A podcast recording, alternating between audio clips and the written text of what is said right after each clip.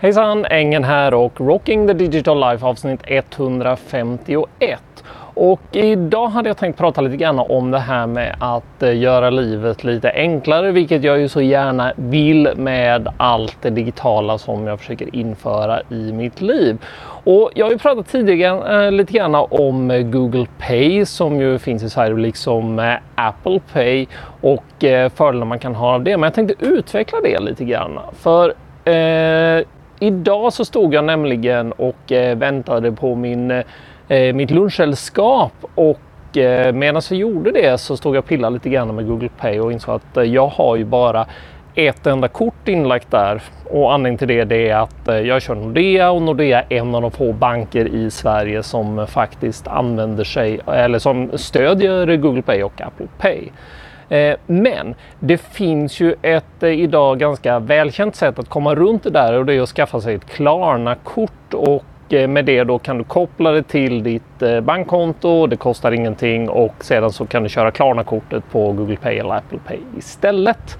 Så jag var lite nyfiken på att se hur om du hade mer än ett kort, hur ser gränssnittet ut? Hur lägger jag upp eh, det med default-kort och eh, om jag vill använda ett annat kort, hur gör jag det och är det smidigt etc.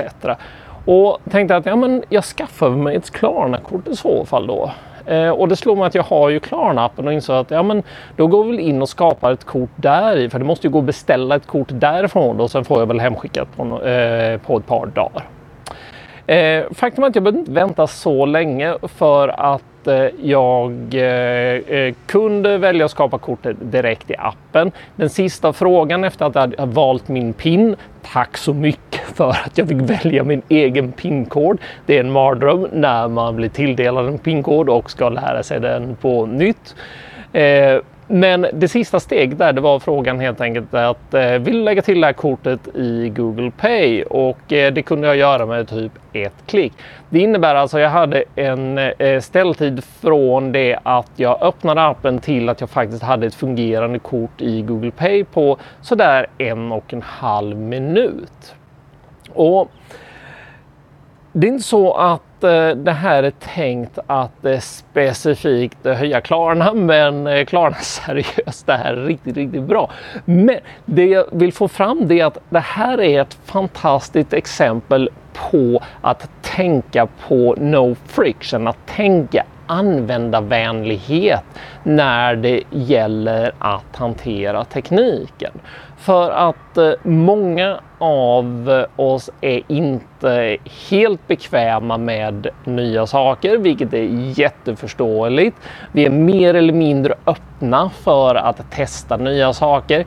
Helt okej, okay. jag älskar att testa nya saker, andra är det inte.